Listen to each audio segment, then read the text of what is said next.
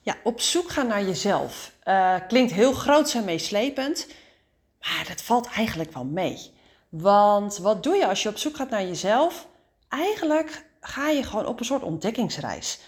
Je gaat dingen over jezelf ontdekken. En ja, dat kan soms een beetje spannend zijn, maar het kan soms ook heel leuk zijn. Want je ontdekt waar je van gaat groeien en bloeien. Uh, je ontdekt wie je bent. En dat zorgt ervoor dat je ook steeds meer jezelf kunt zijn. Uh, ik kijk vaak uh, met mensen hè, wie ze nu zijn. En vaak hoor ik dan van ze dat ze het idee hebben dat ze te veel moeten voldoen aan uh, verwachtingen van anderen. Dat ze soms een rol spelen of een masker op hebben. Dat ze eigenlijk niet zichzelf zijn.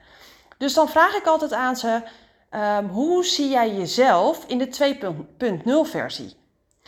En de 2.0 versie klinkt alsof jij dat niet bent. Maar eigenlijk is het dat wel.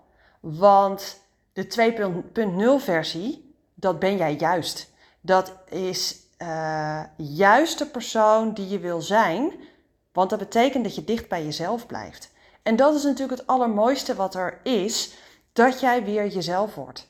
Maar dat betekent wel dat je op ontdekkingsreis moet gaan. Dat je jezelf die reis mag gunnen.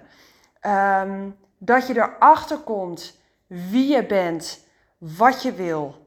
En dat je dat ook mag zijn van jezelf. Dus ik gun jou ook die ontdekkingsreis en uh, ik hoop dat jij het jezelf ook gunt.